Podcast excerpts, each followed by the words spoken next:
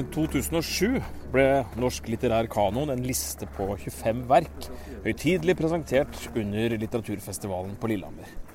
Sitat fra samtlige verk på lista ble deretter hugget i stein og nedfelt i byens gater, og det er disse sitatsteinene vi nå er på jakt etter, i del fem av denne podkasten fra Lillehammer Unesco litteraturby. Vi befinner oss, som du hører, ute i byen. Og For å ta oss med på denne litterære gatevandringa har vi fått med oss skuespiller, dramatiker og litteraturformidler Morten Jostad. Han står klar rett bortpå her på et gatehjørne. Eh, du kan gjerne høre på denne podkasten i fred og ro, men eh, hvis du har lyst til å bli med oss på denne turen rundt i byen, altså slå følge med oss rent, rent fysisk, så er det greit med en liten jukselapp. Vi starter i gågata utafor Belsvik, for den som veit hvor det er. Og så skal vi til Søndre Park. Det er litt upraktisk, men vi går dit. Og så går vi tilbake igjen til Storgata, og så skal vi jobbe oss litt nordover mot Lilletorget. Før vi ender opp utafor biblioteket, og der vi for øvrig også får et vaskeekte mysterium i fanget. Dette her er siste episode i vår serie om sitatsteinene på Lillehammer. Og nå skal vi bort og møte Morten. Vi har forflytta oss. Nå står vi i krysset mellom Storgata og Vises gate. På denne dagen vi er her, så um, er det noen som står og selger uh, gårdsmat. Pølser. Uh, fem meter unna her. Folk går til og fra. Uh, en rolig dag i Lillehammer sentrum. Og foran oss så ligger en uh, forfatter, og for så vidt også en uh, romankarakter som uh, ikke prater spesielt høyt. Det tror jeg vi kan si, Morten Jostad. Nei, han var stillsam og tagal. Ja. Tarjei Vesaas. Tarjei Vesaas. Og det er fuglene det handler om. denne romanen som de aller fleste norske videregående elever på et tidspunkt uh, måtte jobbe seg gjennom. For noen var det bare arbeid, og for andre så var det en stor uh, leseopplevelse. Uh, Fuglelandet den ble ganske tidlig en del av uh, kanoen. Norsk litterær kanon på 1900-tallet. Det, det, var en klassiker omtrent idet den kom ut. Det tror jeg man kan si. Den kom i 1957. og han fikk Han fikk eh, Nordisk rådspris for eh, Isslottet. Men eh, det er vel to av de som vi kjenner og husker aller, aller best av, av romanene hans. Og 'Fuglene' har også blitt filmatisert, og det er også satt opp som teaterstykke flere ja. ganger. Ja. Med ganske stort hell ja. også. Sitatet her, som ligger da mellom Vises gate og Storgata, det er Ettersom det var Rodde han gjorde, så han hele tida det han reiste ifra. Uh, skal vi si noe om sitatet? Ja, det er mot slutten av, uh, av boka, uh, hvor han Nest siste kapitler Ja, boka er ikke delt inn i kapitler, men det er helt mot slutten av boka.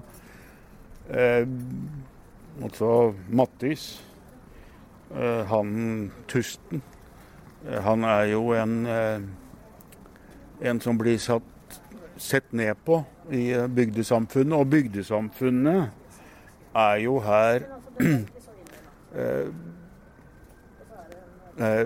vanskelig å skille fra det samfunnet som Tarjei Vesaas vokste opp i, i Telemark. Eh, der han var født, og der han bodde hele sitt liv. Eh, og vi beveger oss i det landskapet hele tiden. Altså, et par ord om, om Mattis aller først. Han er eh, ikke arbeidsfør. Han er vel det vi kanskje i dag med et litt sånn vagt begrep ville kalt eh, tilbakestående? Ja, det er det han er. Og han er en raring. Og eh, han eh, kan ikke brukes til så mye nyttig i samfunnet. Han er voksen mann, sterk, stor, ja. Ja, for så vidt. Men det er et eller annet som mangler oppi, oppi huet? Ja, det, det, er akkurat det. Og, og han vel, har vanskeligheter med å finne den plassen han skal ha i samfunnet. Og så har han så mye inni seg av krefter og lengsler og, og, og sikkert aggresjon og av eh, emosjon. Og det er jo der Vesaas er en mester i å skildre dette dempet. Mattis bor da sammen med søstera si, Hege. De har hatt, eh, det har vært noen foreldre der. De er døde. Jeg vet ikke helt hvor lenge siden det er, men nå er det i hvert fall Hege som skal ta seg av Mattis. Og det er jo et sånt kjærlighetsforhold eh, mellom de to. Altså søskenkjærlighet eh, med enormt mye tålmodighet og omsorg i bunnen, da. Fra Hege til Mattis. Og, og den andre veien også, for så vidt. På, på sitt ubehjelpelige vis eh, enkelte ganger. Men likevel. De er svært tett sammenknytta. Og for Mattis så er Hege hans livsforsikring. Det er det som gjør at han klarer å fungere i verden. Og for Hege så er det vel kanskje dessverre sånn at Mattis er den som står i veien. Det som står mellom henne og verden der ute, og de mulighetene som hun ønsker. Både med å kanskje få komme seg av gårde, eller få mann og barn, eller hva det måtte handle om. Da. Det er dette ansvaret overfor broren da, som, som, står og sperrer litt for utsikten, for framtidsutsiktene. Um, jeg husker den boka fra videregående skole. Hmm. Lillehammer videregående som ligger i enden av gata her. Og jeg husker uh, Mattis som en litt sånn uh, tulling. Og da jeg leste boka på nytt nå, i fjor, så skjønte, så skjønte jeg at uh, Eller da, da forsto jeg først hvor mye omsorg og hvor mye kjærlighet og mye tålmodighet han blir møtt med av folk i bygda. Folk på mm. butikken, folk på, langs veien. Altså hele lokalsamfunnet. Det var ikke sånn som jeg huska at det var bare søstera hans og han, og så var det de andre rundt som på en måte gjorde narr. Eh, sånn som jeg leser boka nå, så ser jeg at det er veldig mye kjærlighet i, i bygda. Man slår ring om Mattis, men, men, han strever jo med dette her, med at det ikke er bruk for han. Han skjønner jo det sjøl også at det er egentlig ikke bruk for den. Så får han den der jobb, jobben, som han kaller det. ikke sant? Han får en oppgave gjennom å ro. Han skal ro over det vannet hvor det ikke er trafikk. Ja. Fram og tilbake, speide etter folk. Men han er blitt ferjemann. Ja. Og det er jo selvfølgelig også et uh, dypt uh, litterært uh, symbol, eller en referanse i, i verdenslitteraturen. Altså, Fergemannen som tar folk over til dødsriket, f.eks. Ja, Karon. Og, og, men det er jo ikke akkurat det han gjør. Her. Men han, han får eh, noen å ro. Og det er så nydelig den teksten her, hvor han manner seg opp til denne dagen og sier det blir en god dag i dag. Det kan komme mange til meg i dag. Og så får han noen å ro. Og, og, eh, og derav sitatet 'når han ror', at han, eh, han eh, ser hele tida det han reiste ifra. For det gjør man jo rent fysisk når man sitter og ror. Da ja, ja, ror man jo med ryggen det, til Det er helt konkret. Det er helt konkret. Men da er han da er han sterk. Og da er han trygg på at det går den veien det skal, og at, og at han har at han har en mening i livet, da. Og eh, en mening i tilværelsen. Og det er jo Det er vel vanskelig å beskrive det bedre, tror jeg, enn en det, det Vesaas gjør akkurat der. Eh, han var mye på Lillehammer. Tarjei Vesaas? Veldig mye. Han var der hvert år. Eh, han og kona Haldis var på Nansen-skolen. De, eh, fordi de var venner av eh, rektoren, Halvard Grude Forfang, som var der i så mange år. Og eh, da pleide de å være der ei uke av gangen. Og, å være der. Og han var nok mye tagal. Men han satt på Nansen-skolen, og alle som opplevde det, forteller om dette. Han eh, gikk og satte seg i peisestua, eh, eller eh, hvor det nå måtte være. Så satt han der. Og så kunne alle gå bort til ham og, og prate med ham. Og så hadde de kanskje en litteraturkveld eller to og leste Halvdis leste dikt, og, Og kanskje leste han også, det vet jeg ikke. Men, men uh, alle som opplevde det, sier at det var, uh, det var helt enestående å ha ham der. da. Tagal og, og vet, En gang så ble han spurt om av en journalist om hva som hadde tatt turen til Telemark. da. Om hva, hva arbeider dikteren med nå?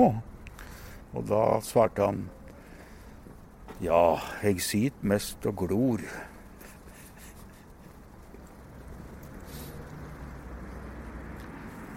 Nå befinner vi oss i Søndre Park. Vi står her på en høstdag, Morten Jostad, men dette her er jo en park som, som lever hele året, kanskje særlig om våren under litteraturfestivalen. Det er langbord, og det er eh, uteservering og et yrende liv. Og i utkanten av parken, når man forlater parken og går ned og bortover Kirkegata Der kom det en ambulanse forbi. Ambulansen svinger nå til høyre forbi Olav H. Hauge.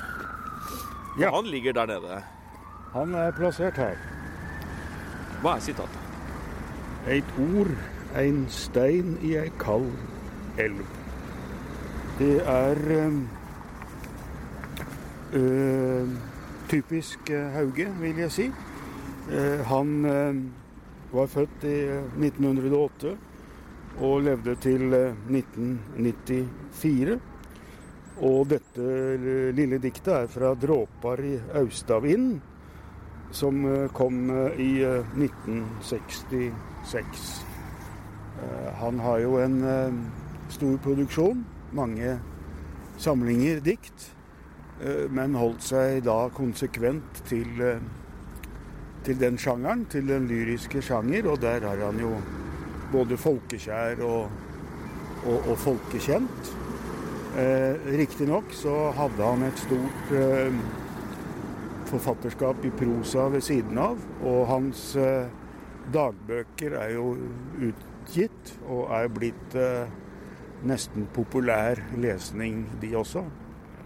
Du, død 1994. Det var flere som, eh, som uh, gikk bort omtrent akkurat da. Samme generasjon. Gunvor Hofmo, vi har Rolf Jacobsen, begge to representert i kanoen her. Og så har vi Haldis Moren Vesaas. De, det er flere som faller, faller bort uh, omtrent samtidig her. En, en hel generasjon. Ja. Og det var jo diktere som ble lest bredt, ikke sant? Ja. Betydde mye for, for, folk både i begravelser og i bryllup og i konfirmasjoner. Og, og de gjør det vel fortsatt? Ja, veldig fint at du nevner, eh, nevner de i sammenheng. Og, og eh, ja, deres eh, dikt står seg veldig godt og, og, og er folkelesning. Og det men hva er det med Olav H. Hauge som gjør at han skriver på høgnorsk? altså Det er i utgangspunktet en ganske sånn høy inngangsbillett, eh, egentlig, når man tenker på det. Eh, men han er jo veldig mye brukt, også i dag. Eh, hva er det han har ved seg som gjør at folk føler eh, at dette er tilgjengelig stoff? Ja, eh, hva skal jeg si? Han er jo en nynorskens mester. Men du fornemmer jo hvis du vet aldri så lite om ham, så fornemmer du vel at du er i Hardanger. Og han var jo ivrig til å understreke da han fikk eh, dypsindige spørsmål om litteratur og sine meninger om litteratur, at eh, jeg er nå bare en gartner. Men er han så klok at han blir enkel, eller er han så enkel at han blir litt klok?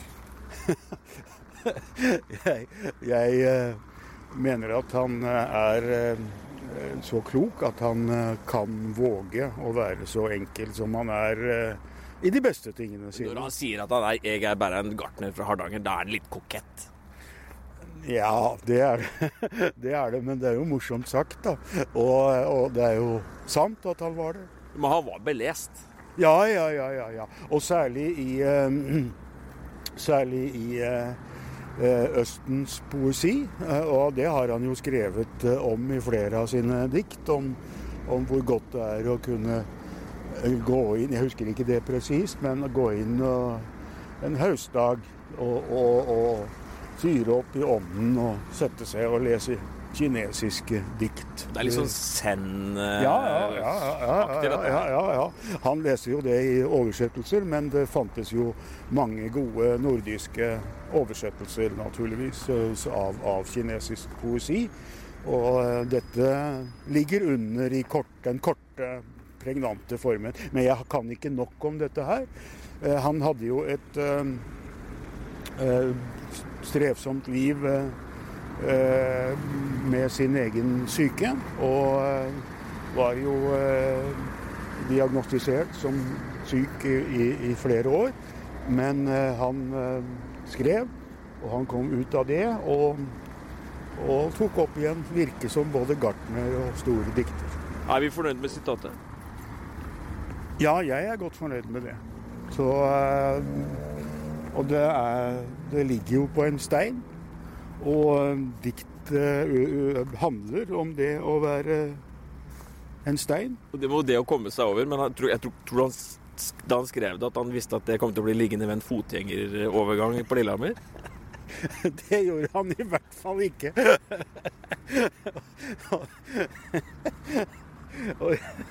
men det er da en komité, eller de som har skrevet disse essayene i Eh, boken om den norske litterære kanon, eh, som har valgt sitatene, så langt jeg har forstått det.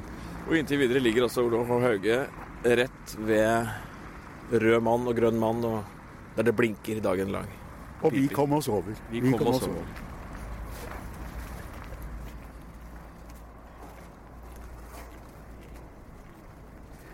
Over.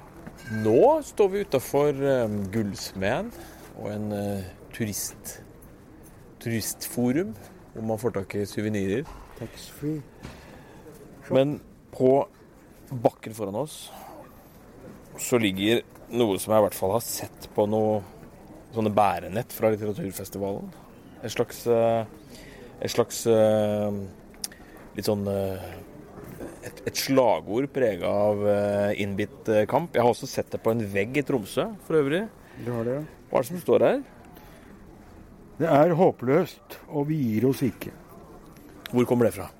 Jan Erik Vold, Mor Godhjertas glade versjon. Ja. Du, Hva slags bok er det? Det er denne her som jeg står med. Dette er eh, en, eh, den klassiske utgaven. Grønne, grønt omslag og trikkeskinner gjennom Oslo.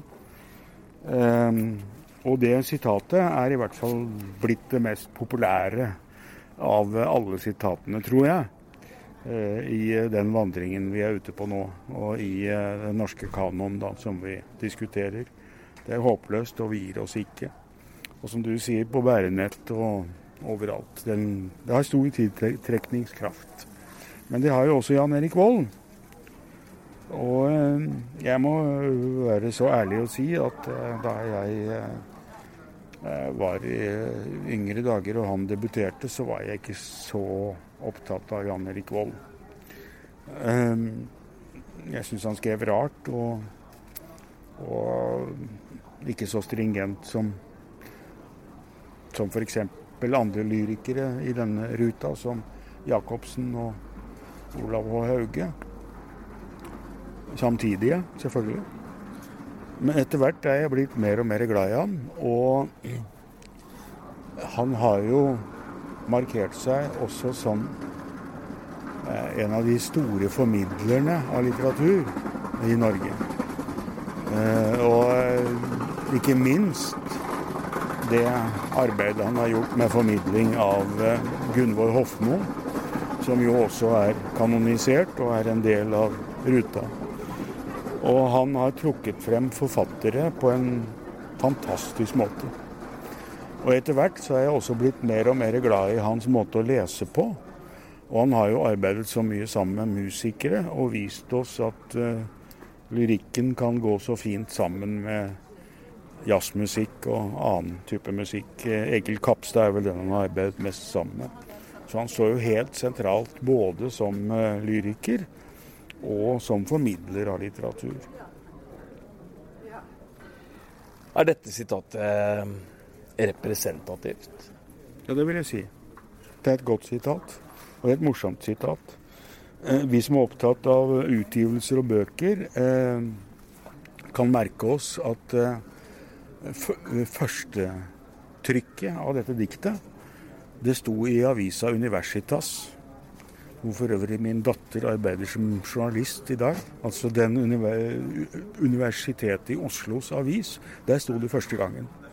Og så kom det da i eh, eh Mor Godhjertas glade-versjon. Ja, da kom det der. Altså det er 1968-diktet, ikke sant? Det er det det er. Det er veldig umiddelbart.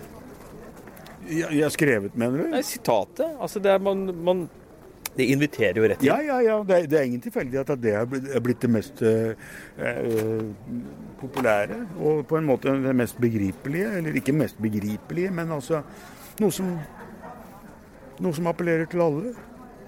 Litt bedre enn uh, Ibsen-sitatet, hvis du spør meg. Vi er nå utafor et apotek, rett og slett.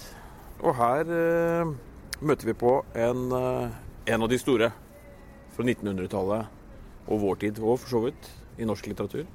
Kjartan Fløgstad. Hva er sitatet her? Arbeidet er den levende Skapende L. Fint. Det var litt vanskelig å se her. for det er, ja, det er ja, Bokstavene har gått litt vekk. Og det er um, Men vi ser der arbeidet er den levende, skapende eld. Det kommer fra Fyr og flamme. Hva slags uh, roman er det? Den her. Den her, ja. Det er førsteutgaven, dette her? Det er førsteutgaven. Med et ikonisk omslag. Med uh, ettøringen og, og fyrstikken og det er vel et av Basert på 90-talls uh, tennstikker, ikke sant? Det der klassiske fyrstikkeska. Og så er det, men det er, det er en bok som uh, Hva handler den om? Er det industri? Ja, det er det til de uh, grader. Uh, og det er jo hans bakgrunn og hans oppvekst og hans klassestandpunkt. Og boka kom jo i 1980. Og Eh, ja, mange på venstresiden og mange forfattere var i fyr og flamme. Og eh, det skulle han skrive om. Og han skriver da denne boka, som eh, er blitt kanonisert uten noe særlig punktum og komma, som du ser her. Mm. Men blir man fenget av det, sånn som jeg ble da jeg kjøpte boka den gangen, så dras man med hele veien uh, uten hjelp av komma og punktum. Uh, Fyr og flamme har uh, en undertittel, og den er 'Av handling'. Ikke avhandling, men av handling? Ja, det kan man da velge å lese som man vil. Og det et, dette hadde jeg glemt før jeg nå tok det opp igjen. Det er da et forord Eh, med, ved en som undertegner seg som WRL. Mm. Eh, og som da har eh, på en måte Som da introduserer hvorfor han skriver dette verket. Men det, noe av det aller morsomste, hvis jeg har tid til å sitere bare litt, det er at eh, fyr og flamme av handling, den, ha, den åpner med et innholdsreferat. Eh, vi kan ikke ta hele, men jeg syns at det sier så mye om eh, eh, Fløgstad. Hans måte å tenke på, måte å skrive på. Og, eh, og plasseringen av dette verket innafor denne kanoen. Litt sånn postmoderne, da. Han, han gjør et eller annet eh, veldig rart her? Ja, veldig rart. Han setter opp en uh, innholdsfortegnelse først. Og så uh, er vel spørsmålet til leseren kommer han til å innfri denne innholdsfortegnelsen, eller kommer han ikke til å innfri den? For her er vel litt av greia det at det er en lek fra forfatterens side med at han er på en måte en en litt sånn utilregnelig forteller. Vi, ja, ikke, ja. vi, er ikke helt sikre på, om, uh, på hvem han er, eller om nei, vi kan stole på. Nei, og jeg er fortsatt ikke helt sikker på det. Og jeg har ikke lest så mye Fløgstad i de senere år. Uh, men uh, når jeg nå vender tilbake til Bare, bare hør på dette her, okay. bare litt. Altså, det, det er delt opp i uh, 25 punkter. Skal bare ta begynnelsen. Én spennende fortellinger. Gripende og kjenslevare skildringer. Frukta av grundige undersøkinger.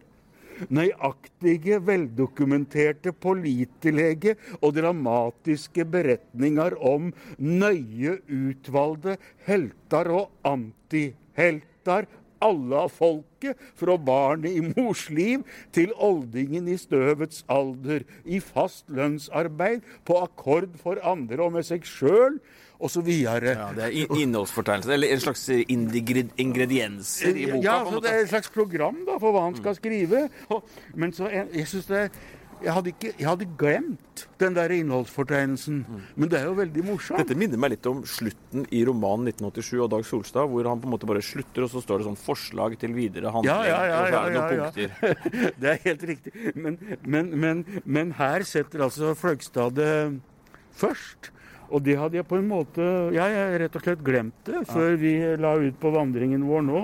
Men det er jo, det er jo for et grep! Altså at leseren da, når man kommer til siste eh, punktum, eh, som ikke finnes, eh, for det finnes ikke noe punktum, eh, kan stille seg spørsmål har han innfridd denne her eh, forfatterambisjonen om å skrive det slik, og det syns jeg han har, da. Sånn som jeg husker boka, så er det om alt det. Det er, det er jo Norge gjennom en eh, epoke som han skriver om. Og, Etterkrigstid og industrialisering og sosialdemokrati og ja, ja, ja, velferdsstat. Ja, ja, ja. ja, ja. Og, og, og han, har, han, har, noen sider hvor han eh, med store bokstaver bare gjengir hovedparolene eh, i eh, Arbeiderpartiets 1. mai-tog fra 1946 og fram til boka er skrevet. Gjør, Han bruker tre sider på det, og lar bare parol, hovedparolene være, være teksten. Og, og, som et bilde på utvikling, utviklingen i norsk etterkrigstid. da.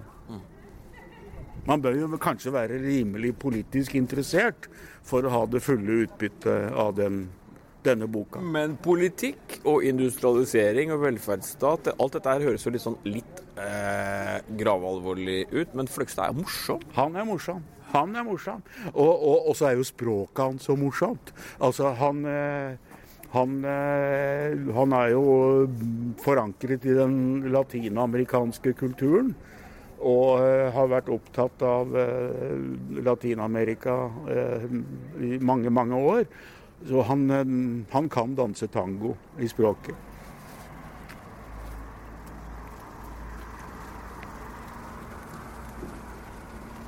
Nå befinner vi oss mellom Lillehammer videregående skole og Søndre Park. Ja. Og her snubler vi på en gymnaslærer. Det er ikke så rart kanskje, at gymnaset er rett bak oss? Jeg tror det er det de har tenkt på. At, eh, at tittelen har en referanse til en viss gymnaslærer som er blitt forholdsvis kjent i norsk litteratur, og som heter Pedersen. Og da er forfatteren selvfølgelig Dag Solstad. Det er Dag Solstad, og det er gymnaslærer Pedersens beretning om den store politiske vekkelsen som har hjemsøkt vårt land. Ja. En helt sentral bok hos uh, Dag Solstad. Og eh, uh, vel, den har blitt lagt ned her i dette krysset, og det får han leve med. Du, Dette her er jo på en måte en beretning om din egen generasjon, er det ikke det, Morten Jostad? Altså disse Eh, raddisene på 70-tallet, 68-erne. Du er kanskje litt yngre enn uh, gymnaslærer Pedersen var, men dette her må jo være miljøer du, du kjente til uh, i, i, ungdommen og tidlig voksenliv?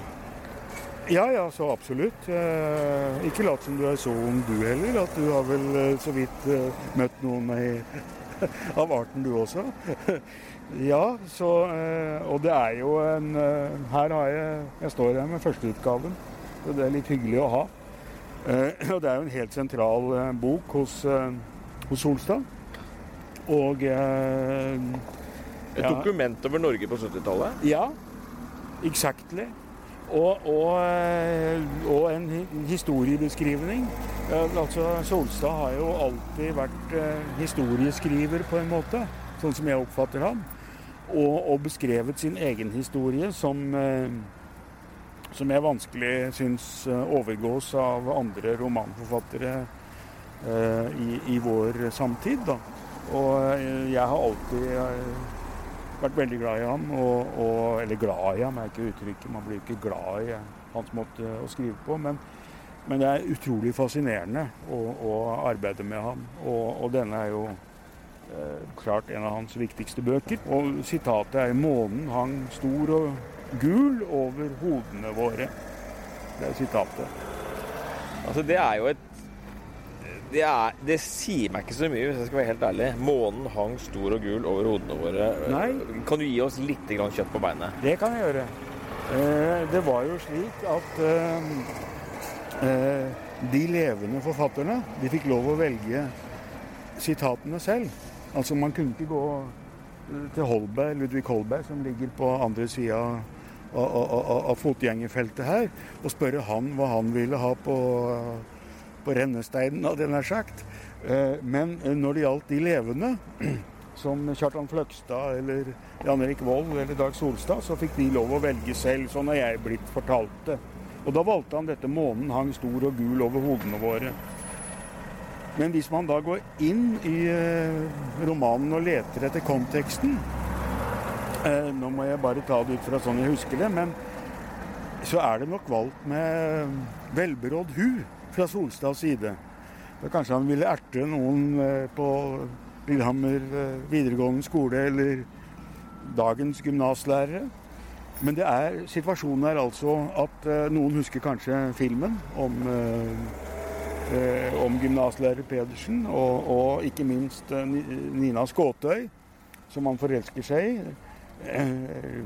Legestudenten. Eh, som eh, er en skjønnhet, og, og, som er på ytterste, ytterste venstre fløy i AKP. Og som proletariserer seg? Ja, nettopp. Nettopp. nettopp.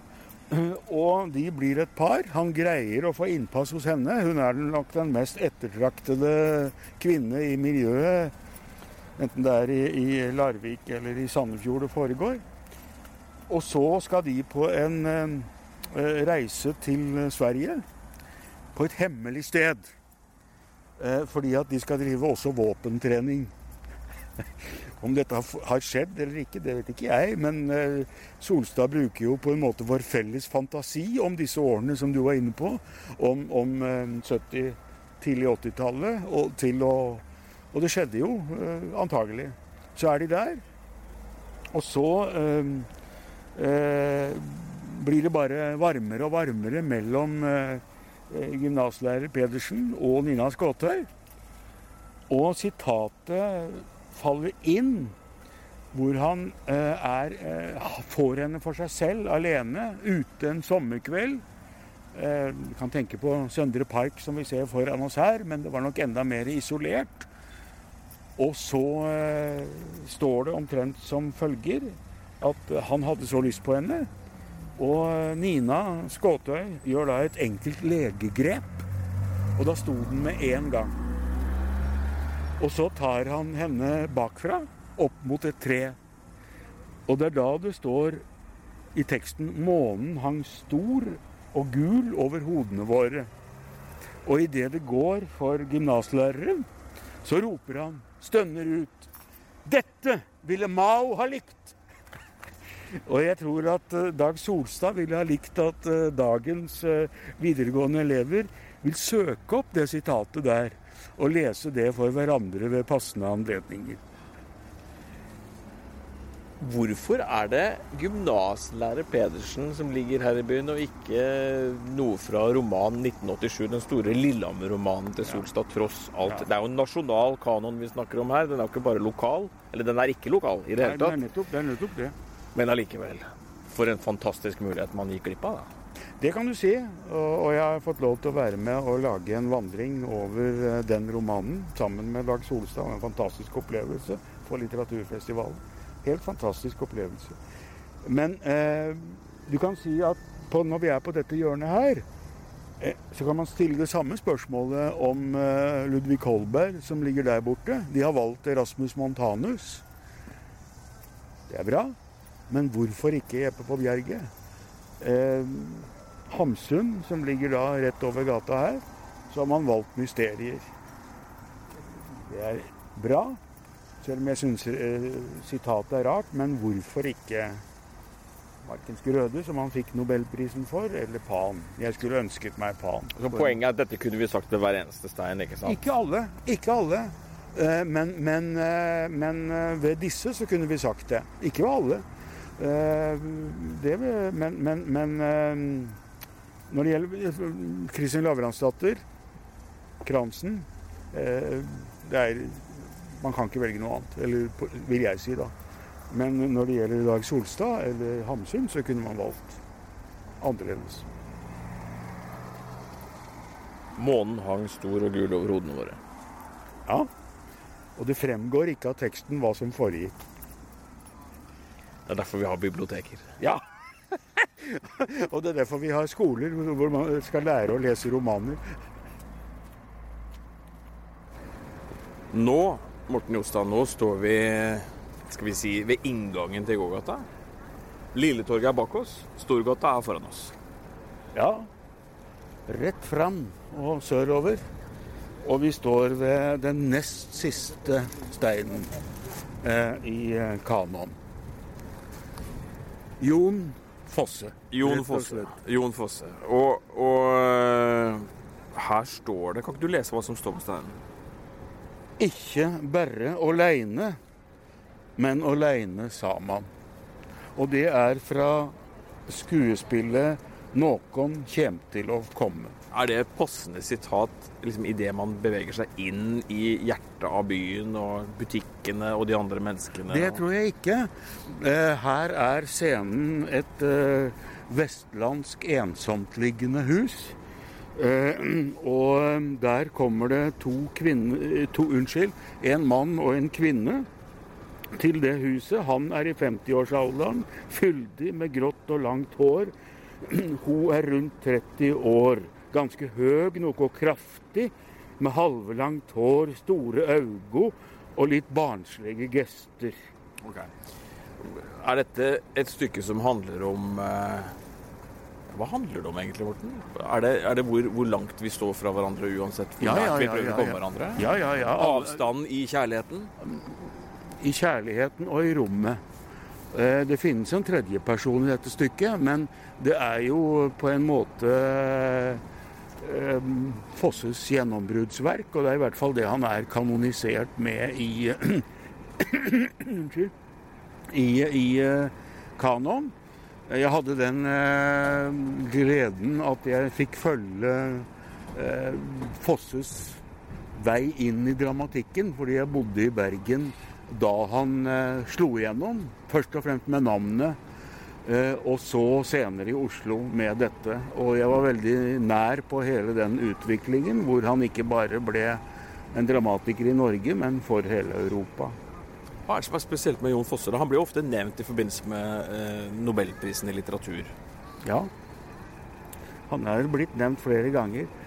Nei, det er jo at han eh, At han eh, har en eh, naturlighet i å beskrive mennesket på Eh, særlig når de kommer fra Strandebarm, eh, hans egen bygd. Og det er langsomheten og poesien i språket som, eh, som gjør det magisk. Du vet, Jon Fosse han ville ikke arbeide med teater. Og han ble sparket inn i det, og måtte nærmest tvinges til å skrive teater. Eh, og det var Tom Remlov, teatersjefen i Bergen, som sto for den Eh, den eh, eh, tvangen, på en måte. Og så ble det som det ble. Du har jo jobba mye med dramatikk, Morten, både som dramatiker sjøl og skuespiller. Hva, hvor, hva, kjennetegner en god dramatiker? Hva gjør en forfatter god å jobbe med for dere som står på scenen?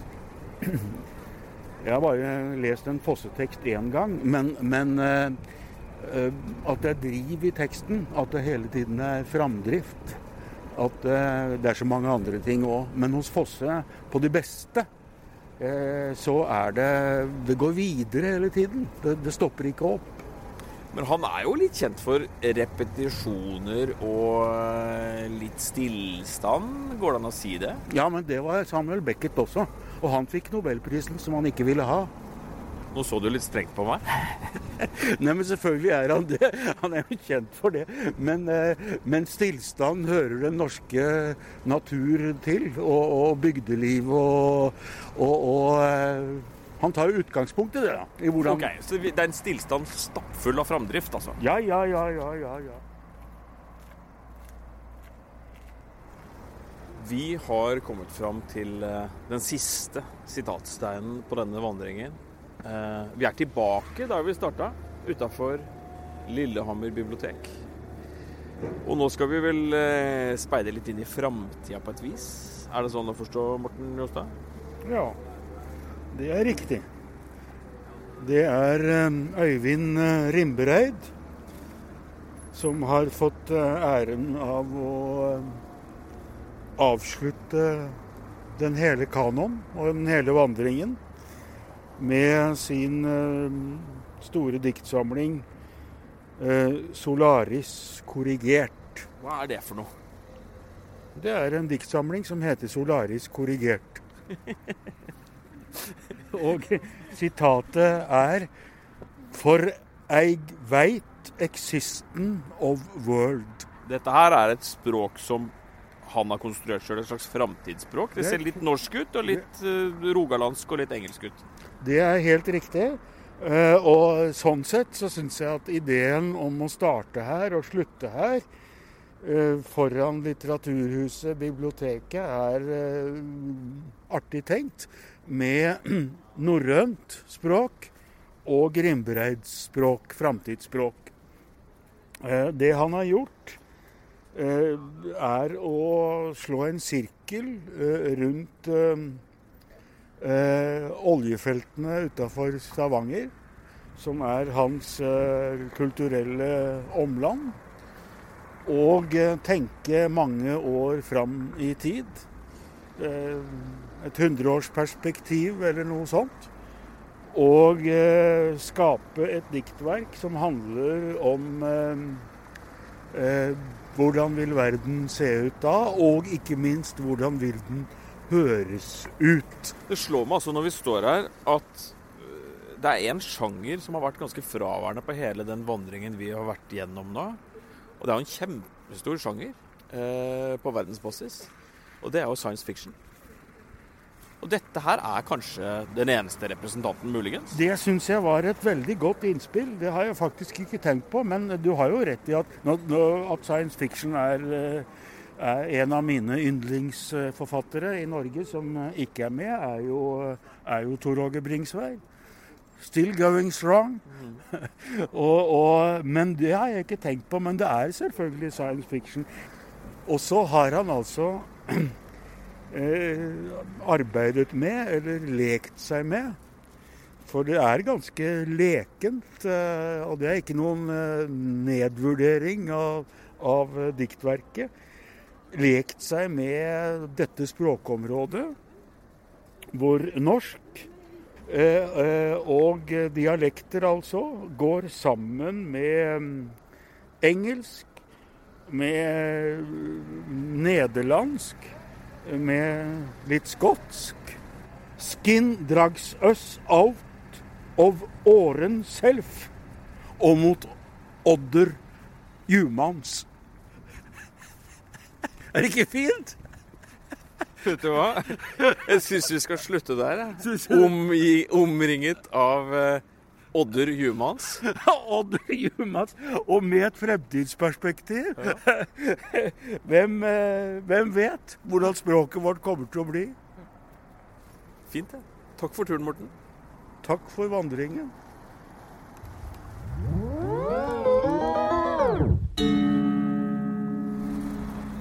Vi er ferdig med vår eh, vandring gjennom Lillehammers gater og gjennom den norske litterære kanoen, Morten Jostad. Men det er jo sånn, da, at det er én ting vi har hoppa over. Det er en stein som mangler. Hvordan har det seg? Ja, vi har eh, vært innom 24, men ikke 25. Den siste er rett og slett borte. Ja. Vet du hvem det er? Ja, hvem er det? Det er Snorre Sturlason. Ingen andre enn Snorre Sturlason. Og han er jo rimelig grunnleggende. Men du, det vi må gjøre da, Morten, er at vi som et slags ekstranummer her forflytter oss bort til der vi tror Snurre ble sett sist. Ja. Nå, nå er vi liksom eh, kanskje i ferd med å forvirre folk, men nå skal vi da prøve å si noe om en stein som, som ikke er her. Og det er jo passende på flere måter, for her har vi en del av kanoen som da har forsvunnet ut av kanoen. Og Det dreier seg om en sitatstein. Det er Snorre Sturlason. ja. Og da er det litt sånn pinlig å innrømme det at den vet ikke vi hvor er. Kinoen ble bygd om, og i den uh, veiven så forsvant steinen. Ja, sitatet er 'årer som ror i blodet'. Og det er et flott sitat. Virkelig. Og jeg tror at eh, tenkningen eh, rundt dette var at når sitatet skulle ligge her hvor vi nå står, så var det, sånn som jeg forstår det, for å henvise til filmens store episke forløp og kraft i vår tid. For vi, vi må jo legge til da at nå står vi utafor Lillehammer Vi kino. står utafor Lillehammer kino. Her går folk ut etter eh, en kinovisning. Vi er ved utgangen. Og da møter man dette sitatet av eh, Snorre Sturlason. Eh, årer Årer som ror gjennom blodet. Det kunne være passende hvis man kommer fra en actionfilm. Hvis man ser at folk har blitt skutt en masse på den andre sida av døra her. Ja, det kan vel så være. Det var mye action hos Snorre også. Ja, det var det. Det var det. Det er helt riktig. Uh, og, og, men uh, det er jo um, beklagelig at allerede ved den første stoppen i vår vandring, uh, så, så kommer vi da til dette punktet hvor det ikke finnes Så kanoen har nesten gått i oppløsning idet vi har begynt. Jeg vil ikke si oppløsning, men, men kanskje av det som har skjedd. Her ble plassen lagt om, og sitatet forsvant. Jeg har en mistanke om at det ligger et sted på Roverudmyra, men det vil kreve et stort arkeologisk arbeid å finne det igjen.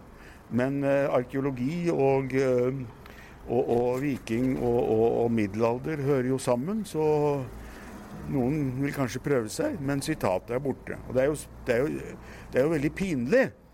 Det er svært pinlig. Men eh, kanskje en påminnelse om at eh, vi må lete. Så her lå det, og flott var det å se på når man kom fra kino. Jeg vil nok jeg tenker litt mer på ikke så mye action, jeg ser så lite av det. Men tenk på eh, en film som nå er omdiskutert, med eh, 'Gun with the Wind'. Altså eh, de store amerikanske historiske filmene. Eller Ben Hur. Altså eh, jeg, jeg får mer den assosiasjonen, da. Når jeg De episke filmene. de epi, store, episke filmene. Ja, ja, ja. Men det kan vi lage i Norge også. Men borte er det. Det er skammelig. Det er skammelig. Hvem skal få det på plass igjen? Er det Lillehammer kommune som skal bekoste det, eller er det eh, Sparebankstiftelsen som har gitt oss alt dette her? De har bare tatt ansvar for å anskaffe det, og de vil ikke bruke penger på å rekonstruere det. Ja, det får vi ta en samtale om. Ja, Inntil videre er i hvert fall Snorre borte. Men skal jeg lese et eh, sitat fra Snorre likevel? Gjør det mens vi først er her. Hva er forholdet ditt til Snorre for øvrig? Eh, Det er eh, stort og varmt. Jeg har lest ham mange ganger, og jeg har også laget et spill om Snorre. Eller ikke om Snorre, men om den store hendelsen på Dale-Gudbrands gård. Eh, Hvor eh, han eh, måtte bite i gresset, hadde jeg nær sagt. Men det endte jo med at han inngikk fred med Dale-Gudbrand. Det er vel Sigrid Undset mente at det var et av de store høydepunktene i Olav den hellige saga. Hvor vi ser at, at den norrøne tro, det vi av og til har kalt den hedenske tro, kunne forsones med den nye kristne. Sigrid Undset var så opptatt av det, og det er her i dalen vår. Men nå har ikke jeg tenkt til å lese om noen forsoning. Jeg tar med et lite sitat fra Olav den hellige saga. av Snorre Sturlason. Han, altså Olav den hellige, gransket nøye hvordan folk holdt kristendommen. Og der han syntes den trengtes å bedres, lærte han dem riktig kristenskikk. Og om det var noen som ikke ville holde opp med å være hedninger, så tok han det så hardt at han drev noen ut av landet. Noen lot han lemleste på hender eller føtter, eller lot stikke øynene ut på dem. Noen lot han henge eller halshogge, og han lot ingen være ustraffet som ikke ville tjene Gud. Jeg foreslår at det er de ordene som blir liggende her neste gang folk går ut fra kinoen.